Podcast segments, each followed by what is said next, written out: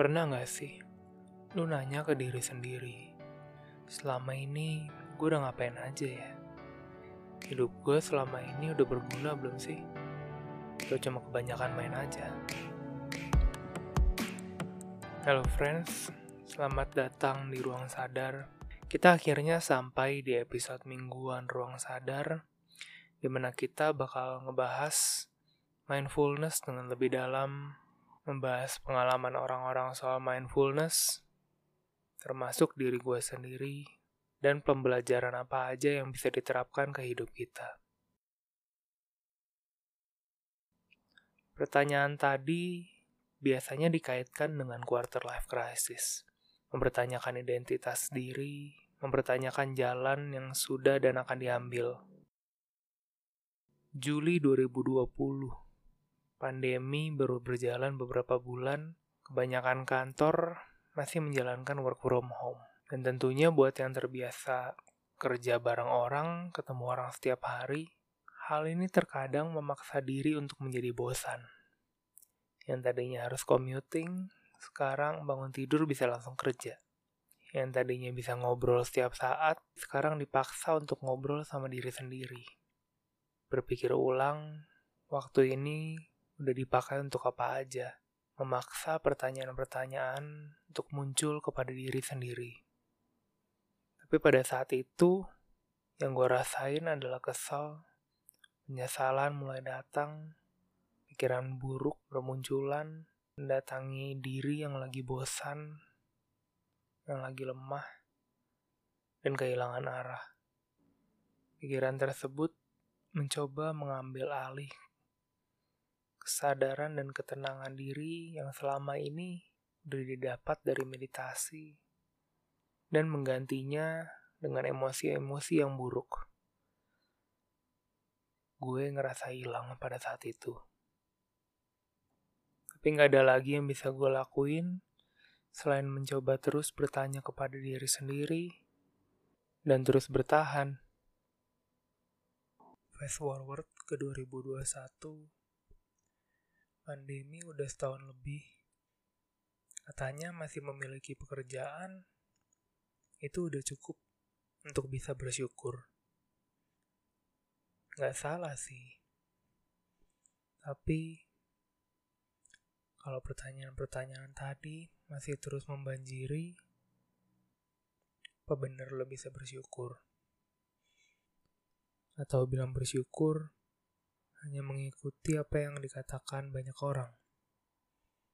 Terlihat bersyukur karena gak ingin terlihat seperti monster yang termakan ego dan ambisi dan gak punya empati.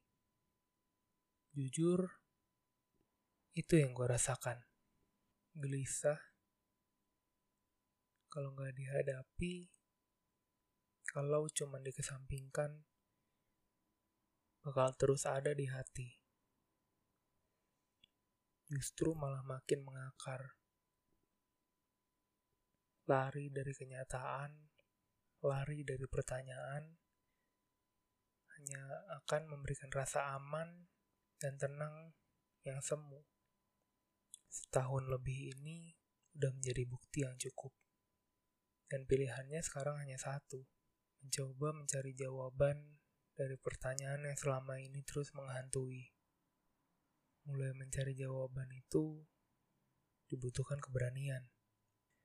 Keberanian untuk membuka diri lebih dalam, meneriakkan kelemahan yang tidak bisa dibanggakan sama sekali. Memberanikan diri untuk melihat kembali masalah-masalah yang belum terselesaikan. Ambisi yang ditutup karena rasa takut akan kegagalan. Bahkan sampai diri sendiri memaklumi ketakutan itu sebagai kelemahan, mencari alasan untuk terus tidak melakukannya. Tapi pertanyaan itu terus ada. Selama ini, waktu udah dipakai ngapain aja sih? Mau udah belajar apa aja? Mau udah kenal siapa aja? Seberapa jauh sih udah melangkah? Udah berapa lama? Terus pertanyaan itu keluar. Sampai pertanyaannya pun berhenti di satu titik. Titik yang banyak banget orang lupakan. Padahal titik ini adalah kunci. Sebuah titik, sebuah pertanyaan yang harusnya menjadi pertanyaan pertama bagi setiap orang. Apa yang sebetulnya paling penting bagi diri ini? Pertanyaan ini keluar begitu aja, seiring dengan banyaknya pertanyaan yang keluar. Pertanyaan yang pernah ada tapi terlupakan. Dan tanpa jawaban dari pertanyaan ini, manusia akan hilang arah. Memberikan diri untuk dipuaskan oleh apa kata dunia soal kebahagiaan.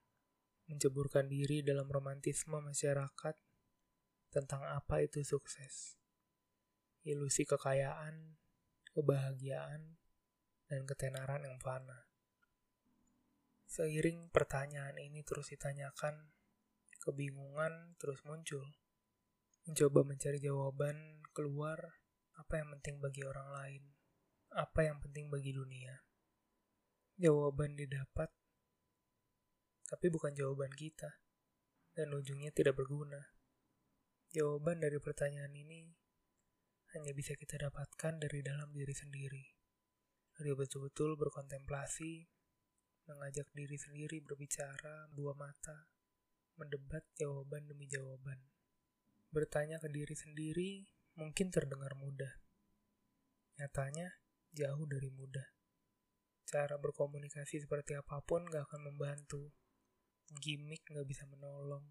Kepintaran gak bisa diadu. Sekali lagi, rasanya diri ini hampir hilang. Tapi kali ini ada yang beda. Kesadaran akan pentingnya pertanyaan-pertanyaan ini sudah mengakar terlebih dahulu. Setahun ini udah mengajarkan hal itu.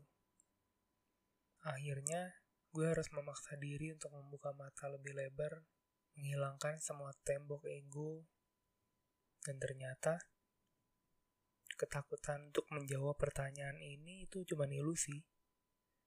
Yang ditakutkan itu sebetulnya nggak ada sama sekali. Udah kayak Monica Rambeau di Wanda Vision yang menembus dinding yang dibikin sama Wanda. Awalnya dindingnya nggak terlihat ada. Pada saat kita coba menyeberanginya terasa berat. Tapi begitu kita melewatinya, ada sesuatu yang baru dalam diri kita. Ada kekuatan baru, ada kejelasan yang muncul dari dalam diri kita. Dan akhirnya, jawaban itu pun bisa gue dapetin. Apa yang penting bagi diri gue? Pertama adalah hubungan dengan orang lain, rasa aman, bisa membantu orang lain, dan kepuasan hidup. Jawaban ini memang kedengarannya kayak romantisasi banget sih. Kayak so bijak. Bahkan pada saat gue menulis skrip dari episode ini, gue mempertanyakan kembali, bener gak sih ini? Tapi semakin gue pertanyakan kembali, memang jawabannya ini. Dan ini yang bikin gue percaya kalau semakin lo melakukan sesuatu dengan tujuan yang jelas, yang penting dari diri lo, dan memang ini yang diinginkan oleh semesta, jalannya tuh ada. Begitu gue berani mengambil langkah, menggunakan apa yang penting sebagai kompas, pintu demi pintu, kesempatan demi kesempatan tiba-tiba terbuka. Ide-ide mulai muncul, mulai berani menghadapi kebosanan, dan memberanikan diri untuk menjawab setiap pertanyaan yang muncul. Dan akhirnya terciptalah ruangan ini. Ruangan yang gue buat untuk gue belajar, untuk memberikan kesempatan bagi siapa pun yang ada di dalamnya untuk saling belajar dari orang lain dan dari diri sendiri. Ruangan ini tercipta dari hasil keberanian untuk menjawab pertanyaan yang diri sendiri ajukan. Mungkin sedikit telat, tapi gue cuma mau bilang thank you buat yang udah mau hadir di ruangan ini. Gue menantikan setiap pertemuan kita selanjutnya di ruangan ini untuk saling belajar dan memperdalam pengertian kita soal mindfulness dan meditasi. That's it for today. Kalau kalian mau diskusi lebih lanjut, bisa follow Instagram gue di @michaelandrian216 dan juga bisa follow podcast ini di Spotify, Google Podcast, dan juga Apple Podcast. See ya!